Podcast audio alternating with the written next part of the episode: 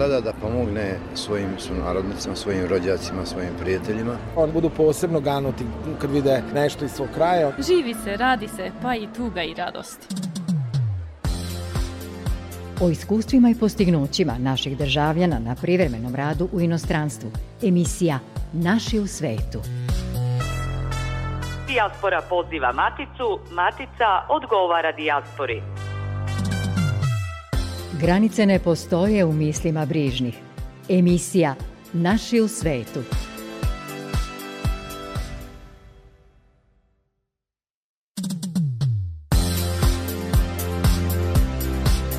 Dobroveče poštovani slušalci, dobrodošli na talase Radio Novog Sada je emisije Naši u svetu. U narednih 45 minuta o online konferenciji Dijaspore na kojoj se raspravljalo o unapređenju odnosa Matice i našeg rasejanja. Predstavljamo i organizaciju Biro Republike Srpske u Švedskoj, koja pomaže ljudima našeg porekla. Sa nama će biti predsednik udruženja Mihajlo Buvač. Za tonskim pultom je Dragan Vukmirović, ja sam Goran Pavlović. Ljubljana je grad domaćin Dana srpske kulture. U mreži biblioteka u Sloveniji organizovan je program i brojna gostovanja pisaca iz Srbije, razna predavanja, zatim manifestacije u kojima učestvuju i srpska kulturna društva, radionice. Slovenci se upoznaju sa našom kulturom isto kao što rado promovišemo slovenačku u Srbiji, rekla je Zorana Vlatković, ambasadorka Srbije u Sloveniji.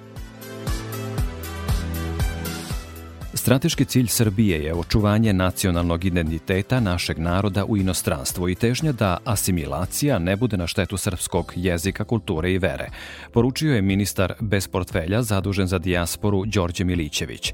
On je na online konferenciji sa predstavnicima rasejanja u Udruženju novinara Srbije poručio da je poboljšanje međusobnog odnosa dugoročni cilj vlade. Predstavnici naših organizacija izrazili su želju da se u što skorije vreme utvrdi verodostojan broj naših državljana u inostranstvu, te da se što više njih motiviše za uključivanje u saradnju sa matičnom zemljom. Uspostavljanje kanala dvosmerne komunikacije apsolutni je prioritet i matice i dijaspore, koja je za Srbiju veoma važna, naročito u promociji naše zemlje širom sveta, kaže ministar Milićević. On je najavio i organizovanje letnjih kampova za predstavnike dijaspore kroz različite teme i interesovanja, od ekologije, sporta, kulturno-umetničkih i drugih kreativnih aktivnosti. Srba ima u inostranstvu gotovo koliko i u matici ali to ne možemo sa sigurnošću da potvrdimo jer ne postoji tačan popis ljudi srpskog porekla van matice i govori se da nas ima više od u oko stotinu zemalja. Rekao bih da gde god da odete, naiđete barem na jednog Srbina i to pokazuje našu prisutnost u čitavom svetu. Upravo te brojke o velikoj srpskoj dijaspori su nešto što nas posebno tišti kao ministarstvo i voleli bi da u budućem periodu pričamo o što vrećem broju povratnika, a ne o povećanju broja naših građana van granica Srbije. To je jedan od ciljeva koje mi težimo. Što se tiče zakona, on jeste donesen pre mnogo godina, tačnije 2009. godine i smatramo da bi bilo dobro da se neke stvari izmene. To smo zaključili iz razgovora sa organizacijama, savezima, klubovima, asocijacijama i udruženjima dijaspore i Srba u regionu, ali i generalno sa našim ljudima van granica, analizirajući globalne, ali i unutar političke prilike. Neke stvari prosto treba da prilagodimo savremenom dobu i omogućimo što bolju koordinaciju.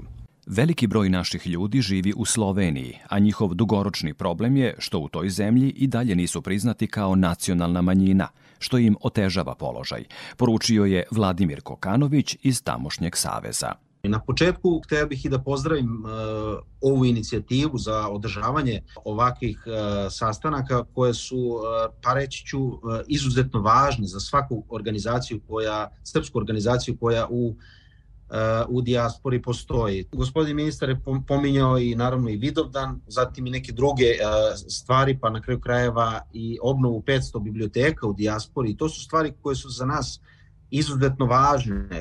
Verujem da, da je u programu jeste i 15. septembar, dan srpskog jedinstva i srpske zastave, nastavit ćemo ove godine sa uh, projektom koji smo započeli evo već prošle godine, koje zaista ima već formu jednog međudržavnog karaktera, budući da nam uh, tu dolaze i, naši dragi prijatelji, neke vidim i da su među nama danas tu, a to jeste uh, omladinski festival srpskog folklora. Ove godine on će biti održan u Kopru u junu u junu mesecu svakako mi ćemo o tome svemu obavestiti i ministarstvo, ali i naše drage kolege. Jedan segment koji je izuzetno bitan i na koji bih takođe želeo da ukažem jesu, e, jeste položaj srpskih studenta u inostranstvu. Studenti u Sloveniji svake godine dolaze u sve većoj meri, što je posledica svakako jedne dobre i saradnje Srbije i Slovenije i jednog, jednog dobrog međudržavnog sporazuma koji je, koji je potpisala Srbija sa, sa samom Slovenijom, tako da je sve veći broj srpskih studenta u u Sloveniji. Ono što je vrlo važno, sa čime bih želeo da vas upoznam, jeste da su oni se prošle godine organizovali, da su formirali organizaciju srpskih studenta u samoj Sloveniji, da su pristupili Savezu Srba Slovenije. Da je održavanje konferencije Matice i dijaspore ključno za unapređenje odnosa, potvrdila je i Jelena Radenković iz udruženja Kraguji u Parizu. Ona je podsjetila na nedavni boravak ministra Milićevića u Francuskoj, koji je ohrabrio tamošnju dijasporu u nastojanju da se saradnja unapredi. Mi ovde u Parizu radimo na očuvanju održanju srpskog jezika, tradicije, kulture i umetnosti i tu ima dosta udruženja koja se bave e, ovom temom.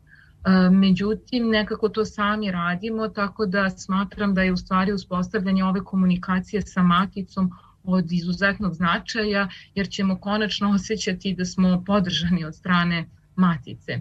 Radujem se realizaciji predstavljenih planova kabineta jer prepoznaju i targetiraju stvari sve važne segmente života, odnosno življenja u dijaspori. E, posebno mi se dopada ovaj e, plan e, za letnje kampove u Srbiji gde će naši mladi ljudi iz dijaspore i deca u stvari na najlepši mogući način uspeti da upoznaju našu, našu zemlju. Takođe razvoj srpskog sporta u dijaspori smatram da je od izuzetnog značaja i razvoj u stvari te nacionalne platforme za sport u dijaspori i, taj, e, i radujem se u stvari realizaciji tog programa sportskih ambasadora u dijaspori jer je u stvari povezivanje putem sporta e, veoma važno za sve nas i za mlade ljude, a kako u dijaspori, tako i u matici. Predsednik Udruženja srpskih privrednika u Švajcarskoj, Stevan Stojanović, rekao je da u toj zemlji ima oko 100 naših udruženja, a kao ključni razlog za uspeh naših ljudi u regionu i šire naveo je dobru saradnju sa lokalnom samoupravom. To bi donelo benefite i u Srbiji, Republici Srpskoj i Crnoj Gori, dodaje Stojanović. Veoma je bitno ovaj, e, da ima svaka lokalna zajednica, to ponovno pominjem isto, da ima e, referenta za dijasporu, ako imamo 200 opština koje, koje sarađuju sa, sa ministarstvom, svaki referent je agent toga, jer ministarstvo za dijasporu ne može znati da li iz Medveđe i koliko, koliko ima stanovnika, u, odnosno koliko ljudi ima u dijaspori ili u rasijanju, da je veoma bitno da se e, svaka opština i u Republike Srpskoj i u Srbiji i u Crnoj Gori ovaj ima bazu o, referenta za dijasporu koji će sarađivati sa ministarstvom E, za dijasporu. Ideja je i od nas potekla od, od dijaspore da se ponovo napravi, napravi sve srpski kongres ili sve srpski sabor sada Iz Soluna se u konferenciju uključila Katarina Kohila Božanić, koja je zaključila da su naši ljudi u drugim evropskim zemljama bolje međusobno organizovani, a zatražila je i veću podršku matične zemlje su narodnicima u Grčkoj. Evo slušajući sve moje sunarodnike do sada, osjećamo se mi malo ovde na jugu Evrope kao neki rep. Možda smo opušteni, možda smo lagani, ali nam fali zapravo organizacija, fali nam zapravo da se okupimo, ima nas jako dosta e, u svim delovima Grčke i, i ono e, što je jedan highlight, da to tako kažem, našeg, našeg bivstva ovde Srba u, u Grčkoj je da se mi oslanjamo na to bratstvo, veliku ljubav koja postoji između ova dva naroda, na našu zajedničku veru, e, na veliku kulturnu razmenu, ali fali onaj praktični deo, fali ona e, snaga, ona spona sa maticom, fali to da znamo gde smo, da smo podržani. Evo ja sam majka dva dečaka, koji su i grčkog i srpskog porekla, progovorili su prvo na srpskom jeziku, smatraju Šabac svojim rodnim gradom i zaista ako nešto želim da im ostavim u amanet, to je da imaju tu jednu praktičnu vezu sa Srbijom, vezu koju mogu da žive, vezu na koju mogu sutra da se oslane. Tako da, eto, ja bih voljela da mi odavde iz e, Soluna, iz Grčke možemo da se ugledamo na neke naše sunarodnike, da evo ovako putem ovakvih nekih e, zajedničkih e, viđanja dobijemo primer kako i mi možemo da se ujedinimo i nadam se da u svemu tome dobijemo i podršku od e, ministarstva. Vlada Srbije kroz više programa za podršku mladima pokazuje da su oni visoko na agendi državne politike, te se ističe značaj i potreba da se svi koji su se školovali u inostranstvu vrate u matičnu zemlju i tako prenesu i podele stečeno znanje. Čulo se između ostalog na online konferenciji Matice i Dijaspore organizovane u Udruženju novinara Srbije u Beogradu. Granice ne postoje u mislima brižnih. Emisija Naši u svetu. Direktor Uprave za saradnju s dijasporom i Srbima u regionu, Arno Gujon, razgovarao je u Beogradu sa predstavnicima Investiciono-razvojne banke Republike Srpske. Sagovornici su se složili da treba nastaviti institucionalnu saradnju Srpske i Srbije u oblasti zajedničkih projekata ekonomskog osnaživanja lokalnih sredina u Srpskoj. Razgovaralo se i o tome kako da se posebno obuhvate povratnici, mali poljoprivrednici i stočari – Gujon je rekao da uprava već ima iskustva s uspešnim pilot projektima za održivi razvoj koje je prvi put podržala pre dve godine, kada je obezbedila pomoć za Srbe povratnike u Bosanskom Petrovcu, u Posavini i u Grahovu.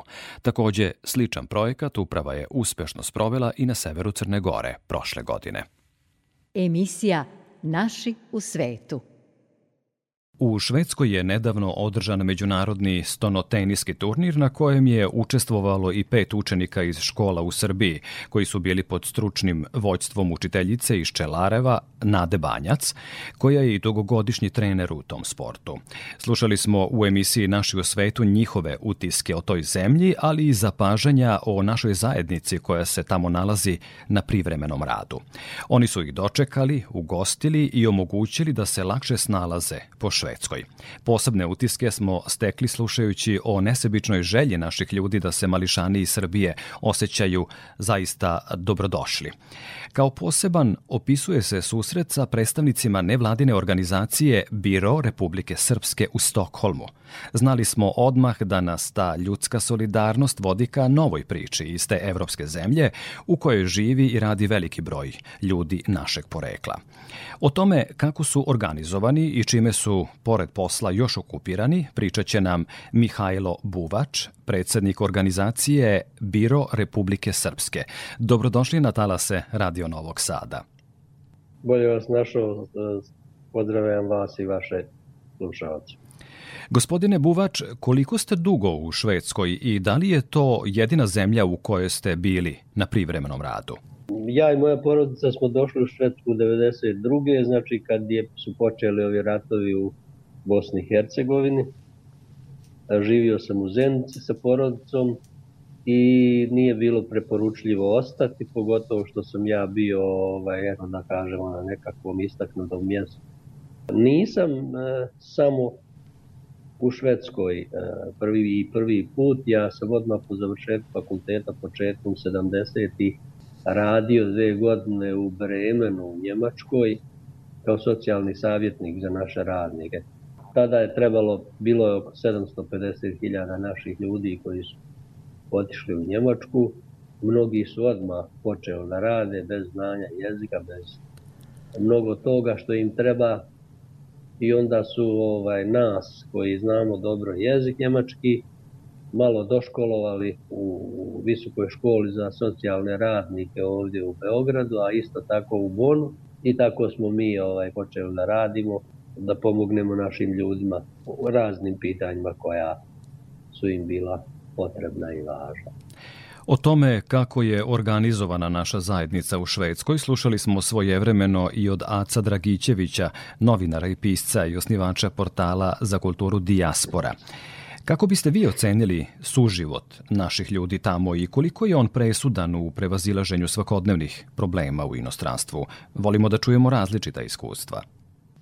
Pa ovako, naši ljudi su ranije e, imali e, daleko veći broj tih klubova i udruženja u kojima su se okupljali. Tih udruženja ima i sada, međutim manje.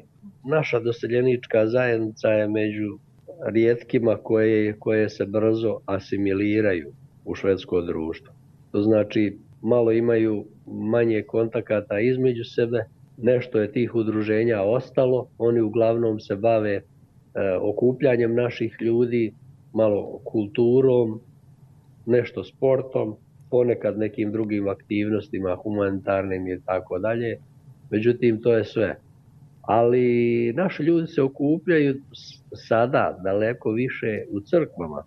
Tu, osim duhovnih potreba, ljudi e, sada zadovoljavaju i ove druge svoje potrebe da, da sretnu nekoga koga ne mogu sresti i nemaju vremena ovaj, e, u toku nedelje ili u toku godine i tako dalje i onda se sretnu u crkvi. Tako da ovaj, daleko najviše naših ljudi se okuplja u crkvama.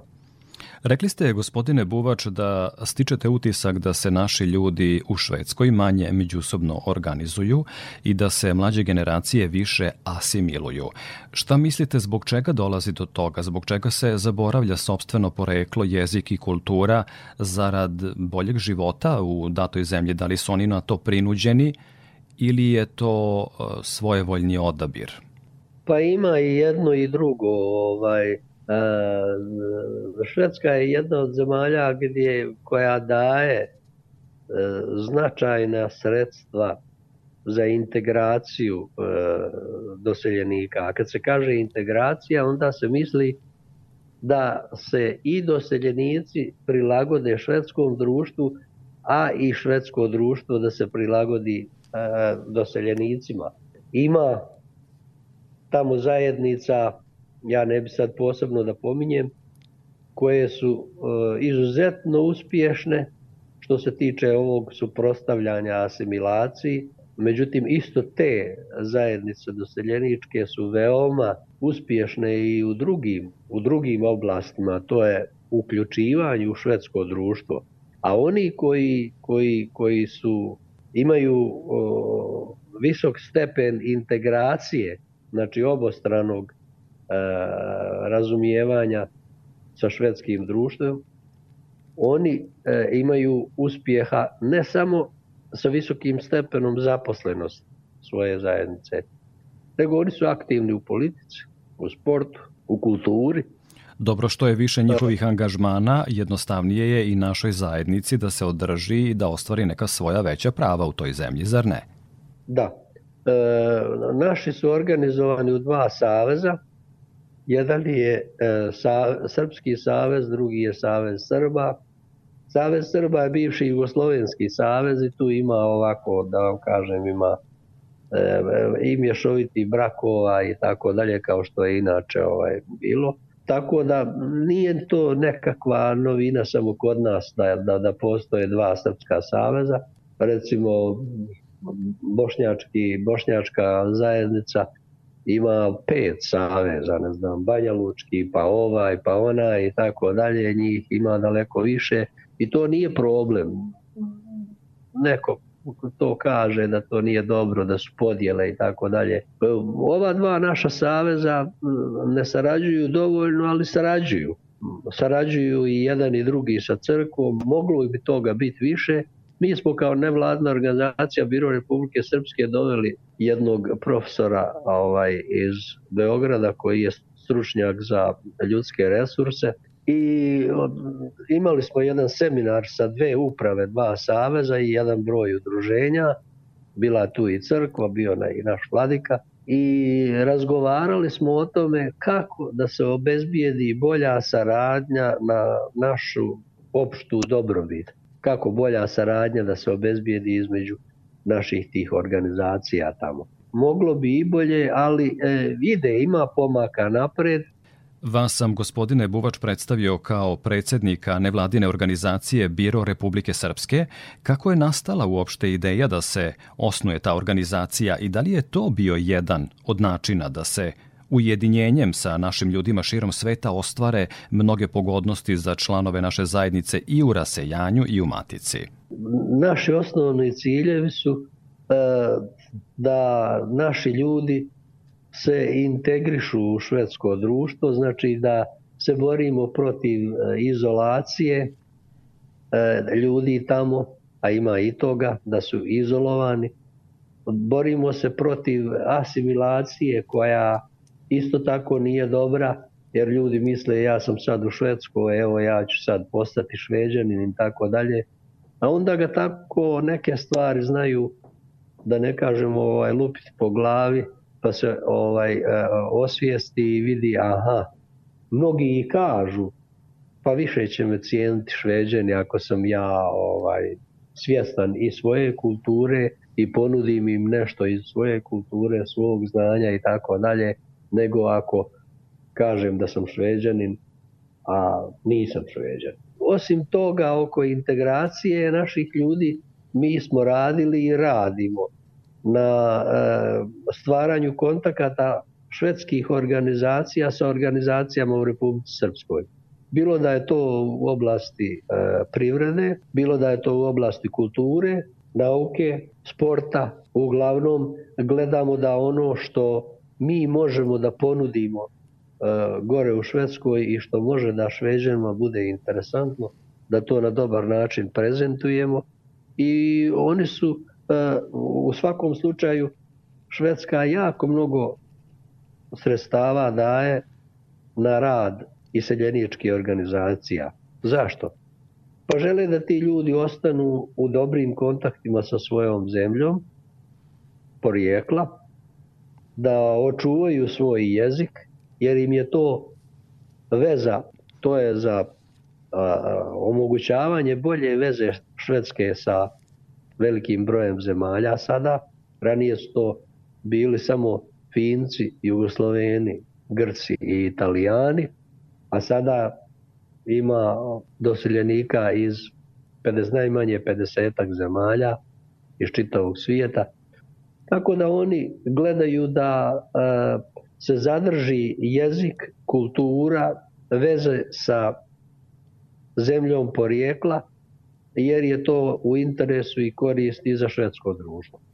Drago nam je da, da, da su se naši mladi stolnotenese e, osjećali e, lijepo kad ih je e, neko naš dočekao gore. Dugo smo, ovaj, jedno šest godina smo e, dovodili naše mlade futbalske ekipe na prestižni Gotija kup u Geteborgu. E, Čak smo i jednu futbalsku, e, omladinsku futbalsku ekipu iz sa Kosova i Metohije omogućili im da dođu gore i iako su malo visoke kotizacije, ovaj 5000 eura, mi smo tada još nismo imali dovoljno sredstava, pa smo morali prikupljati od naših ljudi i tako dalje. I iako ljudi daju i ono što se kaže široke su ruke, ima i naših firmi gore, oni daju malo više, pojedinci malo manje. Mi smo ovaj e, obezbjeđivali da naši mladi sportisti dođu gore. Isto tako je sa našim novinarima, akademicima, pjesnicima, bio nam je Matija Bečković, bio nam je Aršumović, da ne nabrajam dalje. I to su svi e, ljudi to... došli u vaše režije, ako se ne varam. Da, Da, da. Kada govorimo o da. konkretnoj pomoći vaše organizacije, između ostalog, znamo da ste pomagali istaknutim studentima iz Republike Srpske i Srbije, da ste takođe pomagali ugroženoj deci i onima sa smetnjama u razvoju. Da li bismo mogli da čujemo i neke detalje u vezi sa tim vašim aktivnostima?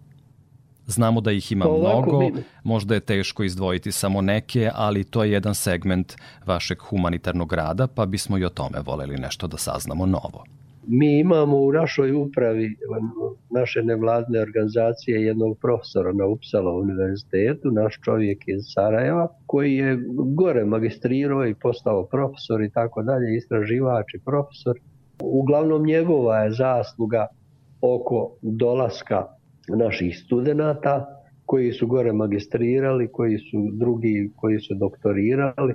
E, međutim, e, Zato a, treba podosta ono što se kaže poraditi, iako Švedska daje tu i ne uslovljava pomoć, ali dobiti za svakog polaznika koji do doktoranta 75.000 eura nije baš jednostavno. Ima, ima dosta toga što se treba raditi i uraditi, a onda ne samo to. Kad vam čovjek gore dođe, živ čovjek, treba se za njega pobrinuti da se osjeća dobro, da može da završi taj posao ovaj, koji je, zbog kog je došao. Mi smo ponosni da su se skoro, da su se svi vratili u svoje sredine, u Beogradu, u Banja Luku, ti mladi istraživači, da nije što se dešava nekada da dođu tamo pa doktorira i onda neće više da se vrati. Tako da smo tu veoma zadovoljni e, sa tim dijelom. Drugo, sad smo obezbijedili da se vrši razmjena studenta između Beogradskog, isto tako zahvaljujući profesoru Ninkoviću. Ide razmjena studenta.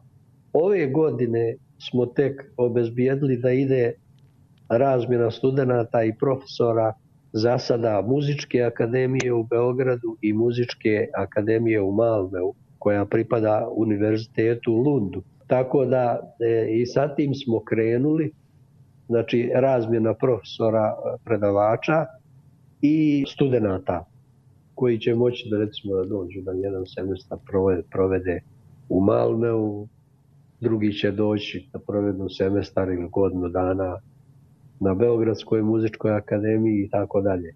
To ide preko, preko evropskih fondova, Međutim, kažem vam, e, i to je dosta birokratije i dosta e, posla u prvom redu za profesora Ninkovića, a onda i za, i za, i za ostale, e, da, da se tim ljudima omogući da već kad dođu i mladim ljudima, da ostvare svoje ciljeve, a to je da što više nauče i da se vrate sa više znanja i otvoreni vidika. Poštovani slušalci, ostanite uz nas. Sa nama će biti i u nastavku razgovora predsednik nevladine organizacije Biro Republike Srpske u Švedskoj, gospodin Mihajlo Buvač.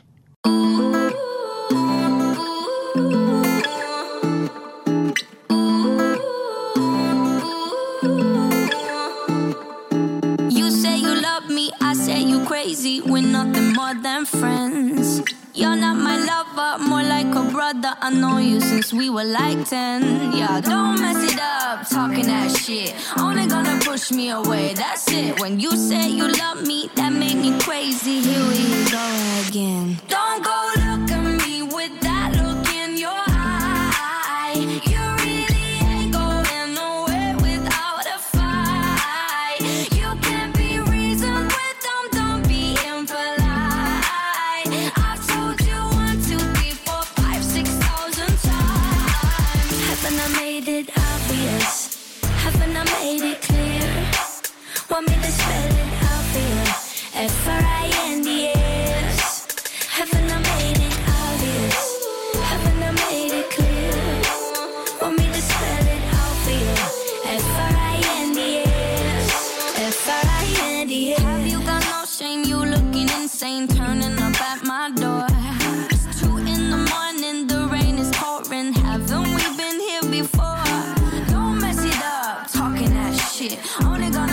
away.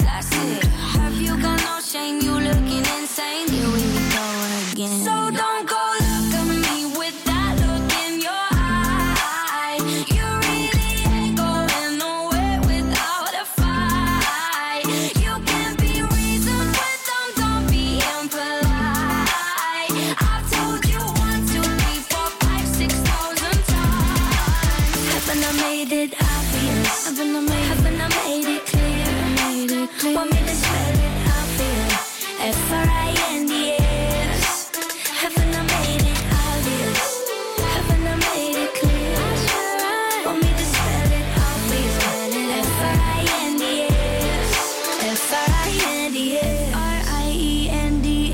That's how you spell friends. F R I E N D S. Get that shit inside your head.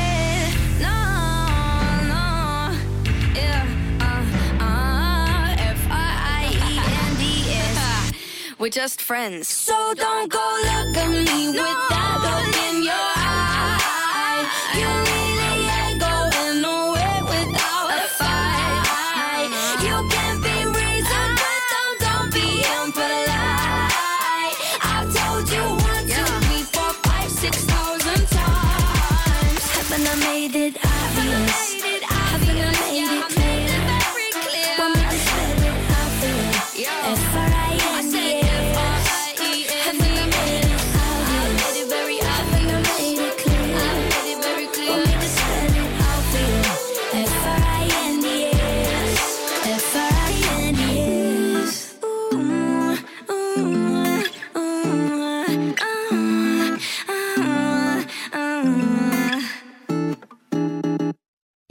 putem u oba smera. Emisija Naši u svetu. Gospodine Buvač, slušali smo o humanitarnom radu Biroa Republike Srpske koji se nalazi u Švedskoj i čiji ste vi predsednik. Kako se dolazi do finansijskih sredstava za funkcionisanje humanitarnog rada Biroa Republike Srpske? Da li su to pretežno pojedinci ili neke druge organizacije poput vaše koje priteknu u pomoć sa novcem pre svega? I koliko u tom pomaganju zaslugu imaju ljudi našeg porekla, a koliko sama država Švedska? Pa i jedno i drugo. Dijelom mi sakupljamo sredstva od naših ljudi, ali to, to sad ide u manjem, u manjem dijelu. Mi sarađujemo sa organizacijama koje daju humanitarnu pomoć ili idemo na projekte primjera radi ovaj Srpski savez i mi imali smo e, jedan projekt trogodišnji od isto tako od 65.000 eura za pomoć djeci e, sa posebnim potrebama u Srbiji. E, sad ćemo gledati da taj takav sličan projekt provedemo u Republici Srpskoj. Izuzetno dobar odjek e, u ustanovama koje se koje, koje se brinu o djeci sa posebnim potrebama. Drugo, mi smo uh, isto tako mješovito i od naših ljudi sakupljena sredstva, a i uh, od organizacija koje su humanitarne organizacije ili čak državni fondovi smo obezbijedili, obezbjeđivali pomoć domu za djecu u Prijedoru i u Banja Luci. Tako da zahvalni su i, i um, gledat ćemo i dalje da nastavimo sa tom pomoći. Dalje što se tiče humanitarnog rada, može se reći mi smo obezbijedili značajna sredstva, ali to smo skupljali od naših ljudi. Kad, je bile, kad su bile velike poplave ovaj, tamo u Republici Srpskoj, mislim da je to bila 14. i ovde su tad bile u, u Srbiji velike poplave. Prikupili smo značajna sredstva i poslali za, za, za rješavanje problema posljedica od tih poplava. Slušam vas, gospodine Buvač, pomno. Ako govorimo o toj vašoj humanitarnoj misiji, zaista mislim da bi nam trebao celovečernji program. Ima li lepše priče o humanosti i solidarnosti koje potiču od naših ljudi širom sveta u želji da se pomogne ugroženima u zemlji porekla? Možemo li čuti kojim ste se poslovima bavili tamo i šta vas još osim humanitarnog rada ispunjava u tuđini, gospodine Buvač? Pa, gledao sam i ispunjavao me moj poziv i ono što sam radio, ovaj, u, radio sam u školi. Švedskoj djeci sam predavao u gimnaziju njemački, našoj srpski. Pre toga kad sam došao u Švedsku od 93. do 95. sam sarađivao sa agencijom Crna, jer im je bilo izuzetno potrebno da vide kakav je medijski odjek dešavanja u tada e, ratom zahvaćenoj Bosni i Hercegovini. To znači da ste se bavili Tako... praktično i novinarskim poslom odatle iz Švedske.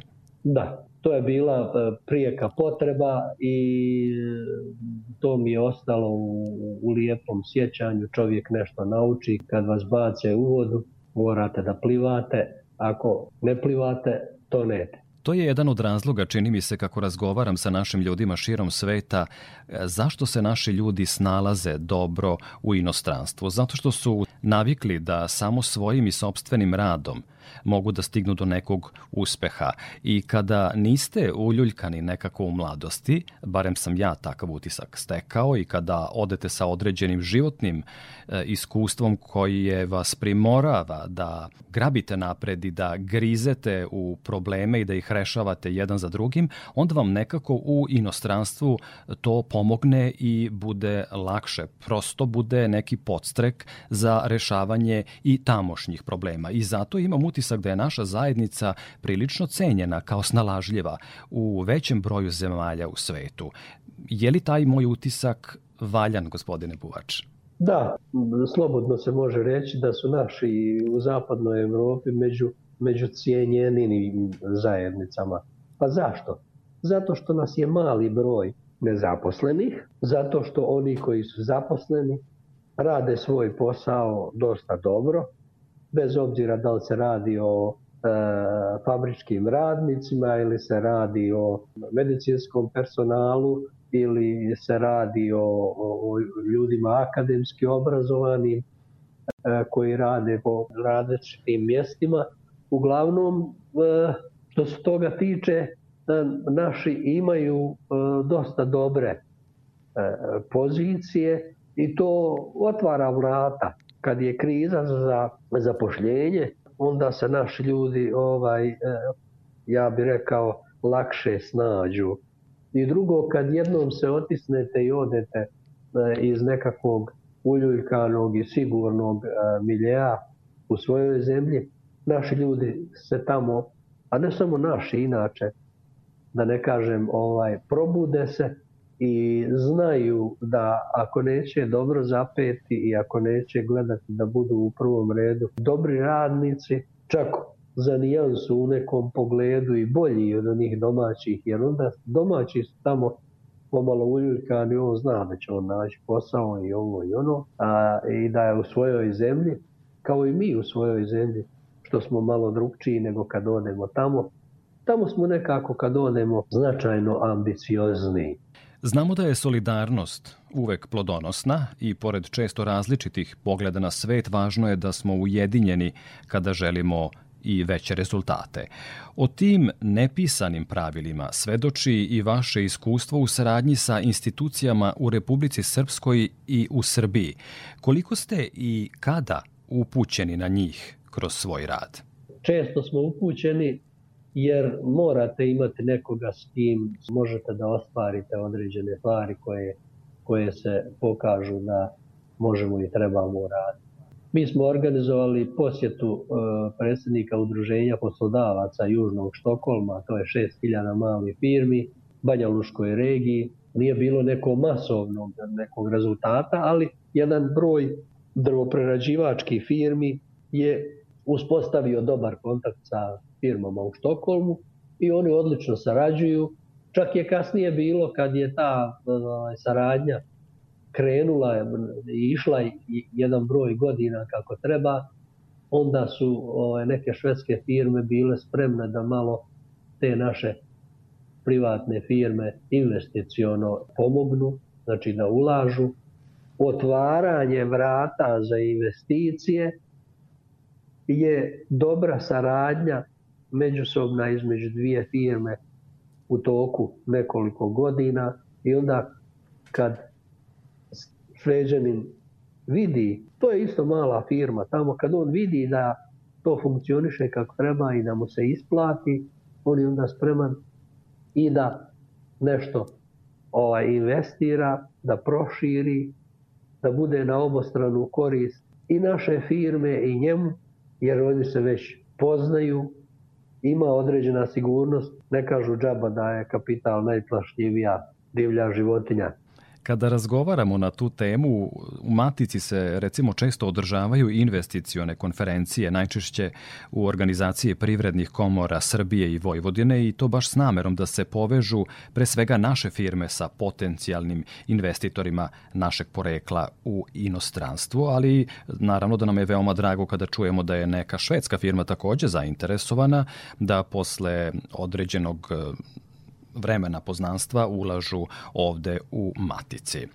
E sad, kao neko ko je i sam jedno vreme proveo u dijaspori, znam da se zemlje porekla setimo uvek kada nam je teško i često se pitamo jesmo li napravili pravi izbor odlaskom u inostranstvo. Postavljate li vi sebi takva pitanja i posle toliko godina provedenih u Švedskoj i šta vam najčešće, gospodine Buvač, dolazi u misli iz Matice? Pa sigurno da, da, da čovjek ovaj, e, sebi postavlja pitanje jer taj odlazak u inostranstvo ima svoje prednosti, ali ima i svoje nedostatke, nešto što, što, što košta, e, iako se tamo okupljamo i družimo i tako dalje, ali imamo prijatelje i među šveđanima i među ljudima drugih naseljeničkih grupa i tako dalje. Međutim, ipak domovina je domovina.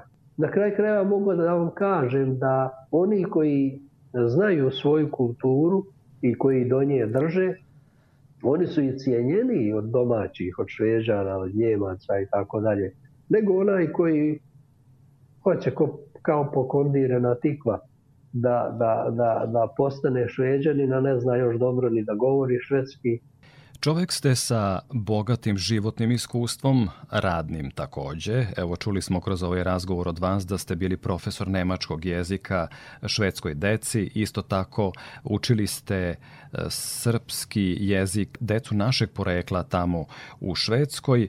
Verujem da se, kao i mnogi naši ljudi širom sveta, zateknete u sobstvenim mislima.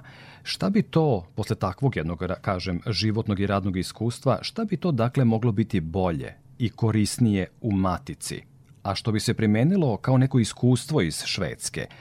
Ako govorimo o tim stvarima, šta vama u tom smislu prvo pada na pamet? Šta bismo mogli, uslovno rečeno, da naučimo od Šveđana?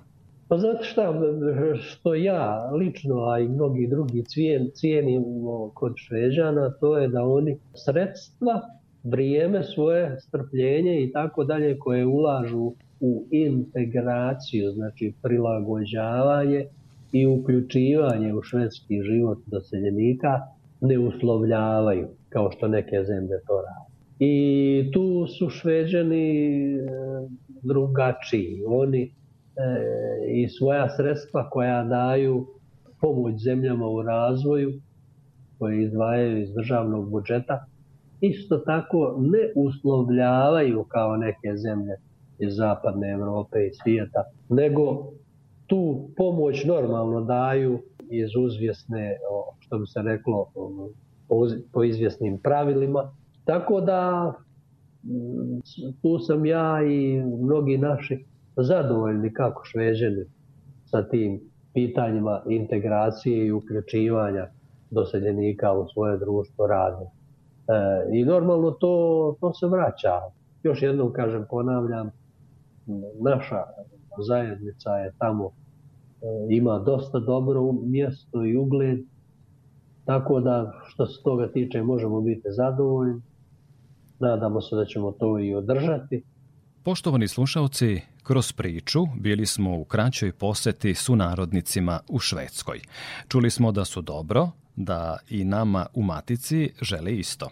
Razgovaramo sa našima u svetu jer nas inspirišu svojim uspesima, borbom u nepoznatom, svojom humanošću. Nikada ništa ne očekuju za uzvrat.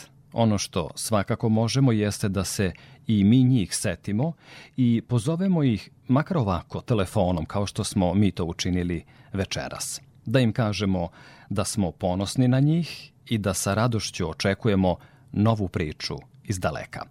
Večerašnju nam je ispričao Mihajlo Buvač, predsednik Biroa Republike Srpske u Švedskoj.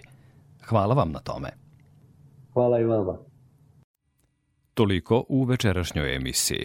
Možete nas slušati odloženo na internet stranici rtv.rs, a sve osnovne informacije u vezi sa emisijom potražite na Facebook stranici Naši u svetu RTV. Hvala vam na pažnji.